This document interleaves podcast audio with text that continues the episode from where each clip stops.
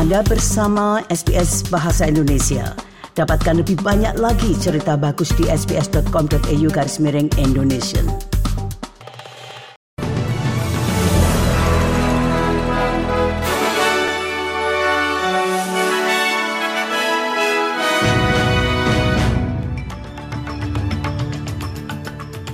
Berita terkini untuk Jumat 21 Juli 2023. Bendara Jim Chalmers telah membela kerangka kesejahteraan nasional baru pemerintah dalam menanggapi kritik bahwa beberapa data yang digunakan dalam kerangka tersebut sudah usang. Kerangka kerja ini mengidentifikasi lima tema untuk melacak kesehatan, keamanan, keberlanjutan, kohesif, dan kesejahteraan warga Australia. Ia mengatakan kerangka kerja akan terus diperbaharui mengikuti umpan balik komunitas yang sedang berlangsung, penelitian baru, dan data yang ditingkatkan. Now, this is our first crack at it, and obviously, uh, we welcome people's feedback. Uh, we want to refine and align uh, this framework as we go forward, but this is a really important start today. Kampanye No resmi melawan Voice untuk bangsa pertama telah dituduh melakukan rasisme oleh dua kelompok pribumi, salah satunya menentang referendum. The Black Sovereign Movement menentang referendum dan mengatakan mereka menentang voice untuk bangsa pertama karena hal itu akan menjadikan mereka tidak berdaya dan gangguan yang merusak.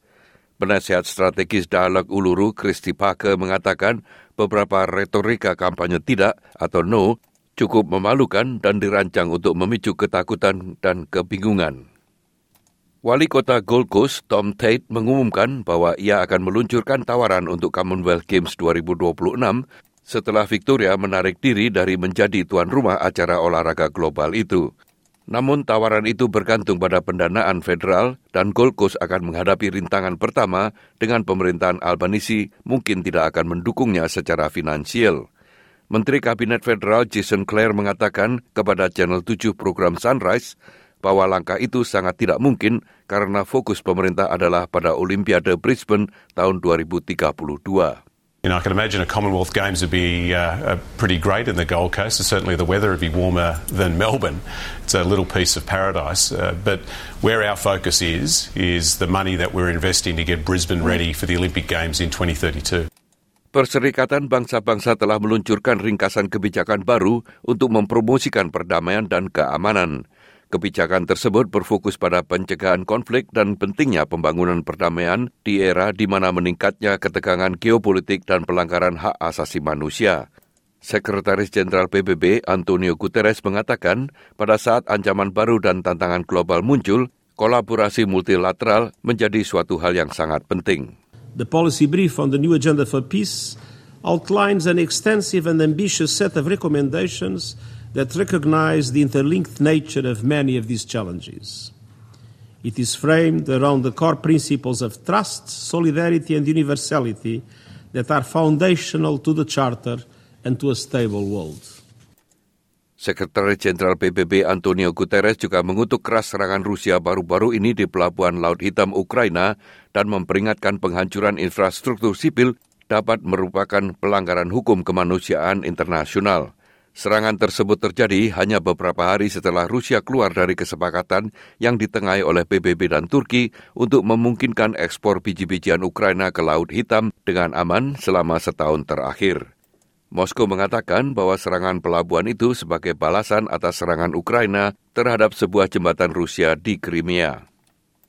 Diplomat tinggi Afrika Selatan yang bertanggung jawab atas hubungan dengan kelompok BRICS Anil Suklal dan pejabat dari Departemen Luar Negeri berbicara kepada wartawan di kota Johannesburg mengatakan bahwa lebih dari 40 negara telah menyatakan minat untuk bergabung dengan kelompok negara BRICS. Afrika Selatan mengumumkan bahwa Presiden Rusia Vladimir Putin tidak akan menghadiri KTT tersebut. Soklal mengatakan keputusan untuk mengecualikan Vladimir Putin dari KTT itu menunjukkan kekuatan semua anggota yang berpartisipasi termasuk Rusia sendiri. I think it shows the maturity and the strength of the partnership that collectively we could come to a decision that yes, President Putin understands the dilemma that South Africa faces, but he didn't want to jeopardize the summit Korea Utara telah mengancam penggunaan senjata nuklir sebagai tanggapan atas apa yang diidentifikasi sebagai peningkatan aktivitas Angkatan Laut dan Militer Amerika Serikat di Korea Selatan. Dalam sebuah pernyataan di media pemerintah, Korea Utara mengatakan pengerahan kapal induk, pembom, dan kapal selam rudal Amerika Serikat di kawasan itu dapat memenuhi kriteria untuk respon nuklir dari Korea Utara. Namun perwakilan khusus Amerika Serikat untuk Korea Utara, Sung Kim, membantah bahwa kehadiran Amerika Serikat di wilayah tersebut berkontribusi pada ketegangan. Just last week, the DPRK again called for the U.S. to withdraw our so-called hostile policy.